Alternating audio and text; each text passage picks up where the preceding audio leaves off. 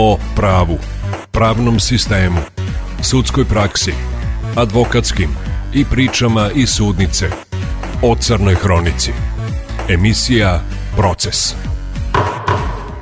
Dobar dan poštovani slušalci, ja sam Milica Ćirić, dobrodošli u Proces. Nalazim se u advokatskoj kancelariji Karadarević i moj današnji sagovornik je advokat Goran Karadarević koji je već 12 godina u advokaturi. Dobrodošli. Bolje vas našao, hvala što ste me pozvali. Recite mi, zbog čega ste se odlučili za advokaturu i zašto baš krivica? Za advokaturu sam se odlučio, pa da kažem, e, odmah kada sam upisao pravni fakultet, znao sam da ću da budem advokat, jer advokatska profesija, to je jedna, da kažem, slobodna profesija koja daje široke mogućnosti, naravno i određene obaveze kao advokat imaš, ali daje široke mogućnosti i ja u suštini volim ovaj posao i nisam pogrešio apsolutno. Tako da još dok sam bio student ja sam znao da ću biti advokat, a kako krivica? Krivica je a, posledica a, predavanja na pravnom fakultetu kod profesora Stojanovića i u to vreme, sada i on profesor, ali u to vreme asistenta Branislava Aristivojevića, koji su mi nekako približili krivično pravo ovaj, i zbog toga sam krivično pravo zavoleo posle, naravno i krivično procesno pravo i kada sam postao advokatski pripravnik bavio sam se najviše tom krivičnom praksom, da kažem. Tako da eto, odatle je krivica i evo već kao što ste rekli 12 godina krivica. Na koji način birate predmete, da li imate neke predrasude i u kom slučaju odbijete predmete? A, predmete a, ne biram, da kažem, kada kažem da bi, a, kada kažete, kad me pitate da li biram, ne biram ih. Advokat ima obavezu da brani svoga klijenta i on ne može da kažem da bira predmete. Postoje situacije kada se sa klijentom ne možete dogovoriti oko oko predmeta, oko načina odbrane, generalno oko angažmana, ali predmete ne biram. Ni, ne odbijam ih uh, iz razloga što mi je mi se ne zastupa neko krivično delo ili nešto, nego jednostavno isključivo je ne, neuspeli dogovor sa klijentom oko angažmana. Da li imate neke predrasude i da li uspete da isključite emocije da oguglate na neke stvari?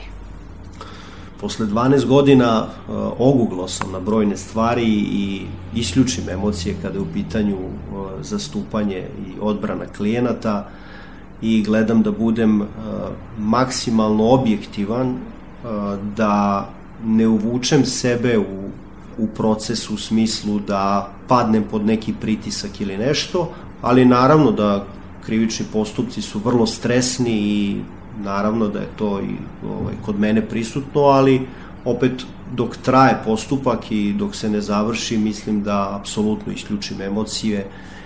Emocije, po mom nekom mišljenju, nisu dobre i o, ton govora, glas i sve ostalo mi, ovaj, ako već ubacite da li to bilo ljutnja ili strah ili nešto, to nije dobro za advokaturu. Da li ste doživljavali neke određene pretnje do sada i da li vam je nekada bila ugrožena bezbednost i da li ste se plašili za svoju bezbednost? Ugrožena bezbednost, ne da ja znam, nisam imao ovaj nikada nikada pretnje, branim brojne teške predmete i to ajde da kažem i javno zna, ali nisam do sada imao nikada nikada pretnje. Uh, naravno da kada zastupate ili branite da kažem klijenta i imate ovaj drugu stranu ovaj stranu oštećene ima neprijatnih neprijatnog dobacivanja ali sve se svodi na neko dobacivanje. Pravo kažem sada i ne mogu da se setim ni jednog konkretnog slučaja ali ovaj da konkretno sam imao neke pretnje ne Recite mi, da li ostajete u kontaktu sa klijentima nakon e, presude i u kolikoj meri oni uspeju nakon odležane kazne da se vrate normalnom životu i da li se stvarno radi sa njima, kako, u kojoj meri je ta resocijalizacija moguća? Svoje klijente gledam kao obične ljude, jer oni to jesu. To su životi kao i svaki drugi životi običnog čoveka, kad kažem običnog, ajde, u smislu ovoga čime se ja bavim, jer kada neko izvrši krivično delo a, i kada bude oglašen krivim, on je za mene i dalje običan čovek i sa svim svojim manama i vrlinama koje imaju, a ti ljudi imaju vrline, a ne samo mane, tako da ostajem u kontaktu sa svim svojim klijentima, posebno sa klijentima koji se nalaze na izdržavanju kazne zatvora, jer oni prolaze taj postupak resocijalizacije tamo i uvek gledam da im se nađem u smislu ako je nešto, ne, nešto potrebno, na kraju krajeva tu je i uslovni otpust kao institut koji se primenjuje, tako da da, ostanemo u kontakti sa njima i e, sa porodicom i mogu da kažem evo za ovih 12 godina uvek je neki korektan odnos i, i, i uspešna saradnja sa klijentima bila. Kad ste spomenuli uslovni otpust, koliko često se desi da uspete da ostvarite to pravo, zato što ja sam stekla utisak da se jako često odbija taj uslovni otpust. To je tačno, dakle uspem da ostvarim ili da kažem da dobijemo rešenje da se lice uslovno otpust, otpušta, ali to nije u onoj meri u kojoj bi trebalo da bude. Mislim da praksa modernih demokratskih zemalja e, zapada i svega mnogo više, recimo Španija, mnogo više otpušta uslovno osuđenike i e, izmene krivičnog zakonika su i bile u tom pravcu, ne mogu sad tačno da se setim kad su te izmene bile vezane za uslovni otpust, ali su upravo i bile u tom pravcu kako bi se uslovni otpust masovnije koristio, jer je to tendencija. To ne znači oprost od kazni. To je uslovno otpuštanje i siguran sam da osuđeni kada se uslovno otpusti zna da nad njim stoji ta kazna kao opasnost nekada ukoliko ponovi krivično delo da će se ona ovaj izvršiti. Tako da uslovni otpust je dobar institut, primenjuje se, ali nedovoljno dobro se primenjuje. Često zavodi, odnosno kazneno-popravni zavod ili okružni zatvor, preporučuju osuđenike za uslovni otpust i smatram da u svim tim momentima, čim je zavod dao pozitivno mišljenje, sud bi trebao da primeni uslovni otpust, ali se to u praksi ne dešava. Sud pokušava da pronađe i često nekad za mene abstraktne, nerazumljive razloge da lice, da odbije molbu za uslovni otpust.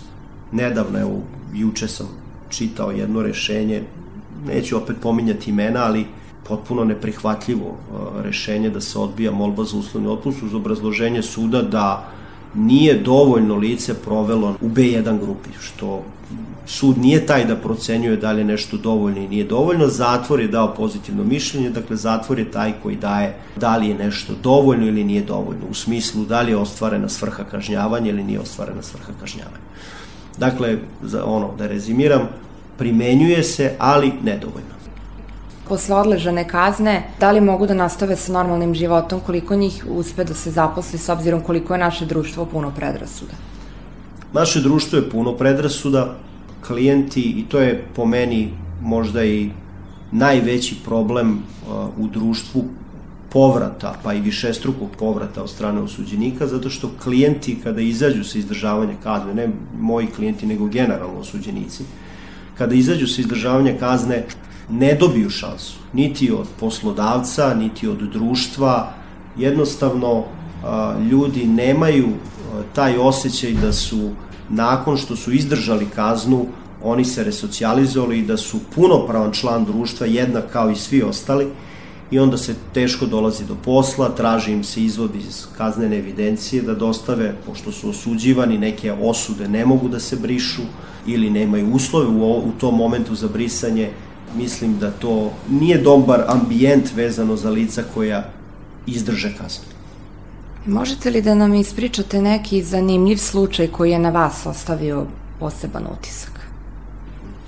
Malo ste me sad opet nespremno govoju uhvatili, ali trenutni slučaj, trenutni slučaj ću da, da navedem, zato što mi je sad, evo, na poslu sam, pa ovaj, mi u glavi. Neću govoriti ime, mada, ajde sad, nema veze. To je slučaj gde je neoprostivo da se jedno lice nalazi u pritvoru godinu i dva meseca, a da nema podignutu optužnicu. To je neverovatno i to ne sme da bude primjer u jednoj demokratskoj zemlji, u zemlji u kojoj istraga treba da traje šest meseci u zemlji gde u, u predmetu gde tužilac podigne optužnicu u roku od tri meseca, a onda dopunu istrage vodi već osam meseci. Tako da taj slučaj je recimo za mene ostavio trenutno je ovaj onako najupečatljiviji. Borim se pa izgleda da ću ovaj morati da se borim i možda i van, van ovaj, granica ove zemlje, vidjet ćemo dokle će to doći. Eto. Recite mi, s obzirom da ste jedan od advokata koji ima klijente koje brani u vezi sa dokazima prikupljenim putem Skaja i Janoma, koliki je to izazov za vas? S obzirom da to nešto novo što se sada pojavilo kod nas u praksi nije ovaj bilo do sada. Sky i Anom su potpuno nezakoniti dokazi. Dakle, to je pokazalo, to sam u startu i, i bilo je par novinara koji su me pitali pre par meseci i tad sam izneo tvrdnju i tvrdnju, mislim, to je tako, da bi se presrela komunikacija i da bi se dva lica da kažemo, prisluškivala laički, ajde za, za, za ljude koji slušaju, ali to se zove tajni nadzor komunikacije, mora da postoje naredba sudije za prethodni postupak. Obično je bilo i u praksi je e, sa Skajom Janom tako da te naredbe nije bilo. Nego su komunikacije presretnute i ljudi su prisluškivani bez naredbi duže od šest meseci koliko je preporuka bila i Evropske unije da može da traje to prisluškivanje. Sa druge strane, praksa je umeđu vremenu pokazala da se brojne zemlje, pa evo mi smo imali sada Italiju gde je Vrhovni sud Italije ukinuo pritvor jednom licu, upravo zbog toga što smatra da Sky kao dokaz nije dokaz. Imali smo to u Belgiji, imali smo to u Holandiji. Nedavno, evo, presudu sam dobio juče, Francuska je za Encroceta, to je isto, slična u stvari identična priča ovaj, kao i Sky.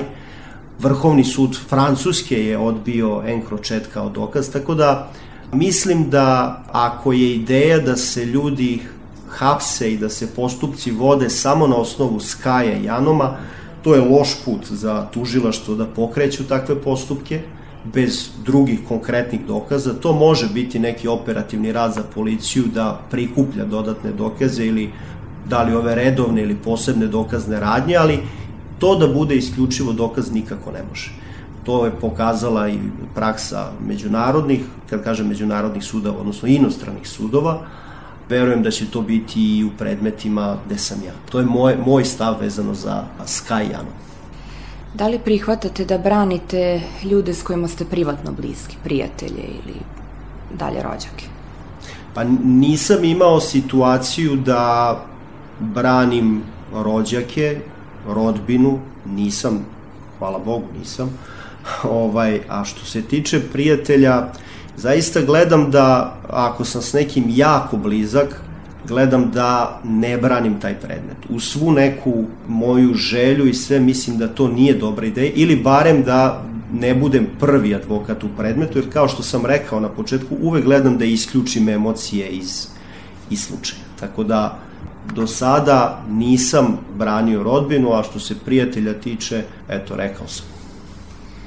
Da li ste nekada zastupali neku osobu sa bilo kojom vrstom invaliditeta? Ne znam, gluvonemu, slepu, kolicima ili bilo koje vrsta? Evo sad pokušavam da se prisetim. Sad u ovom momentu zaista ne mogu da se setim za 12 godina jako mnogo predmeta. Verujem da jesam, ali, ali ne pada mi sad u ovom momentu na pamet. Eto. Hvala vam puno što ste govorili za emisiju Proces. Hvala i vama, bilo mi je drago što ste me pozvali u vašu emisiju. Proces.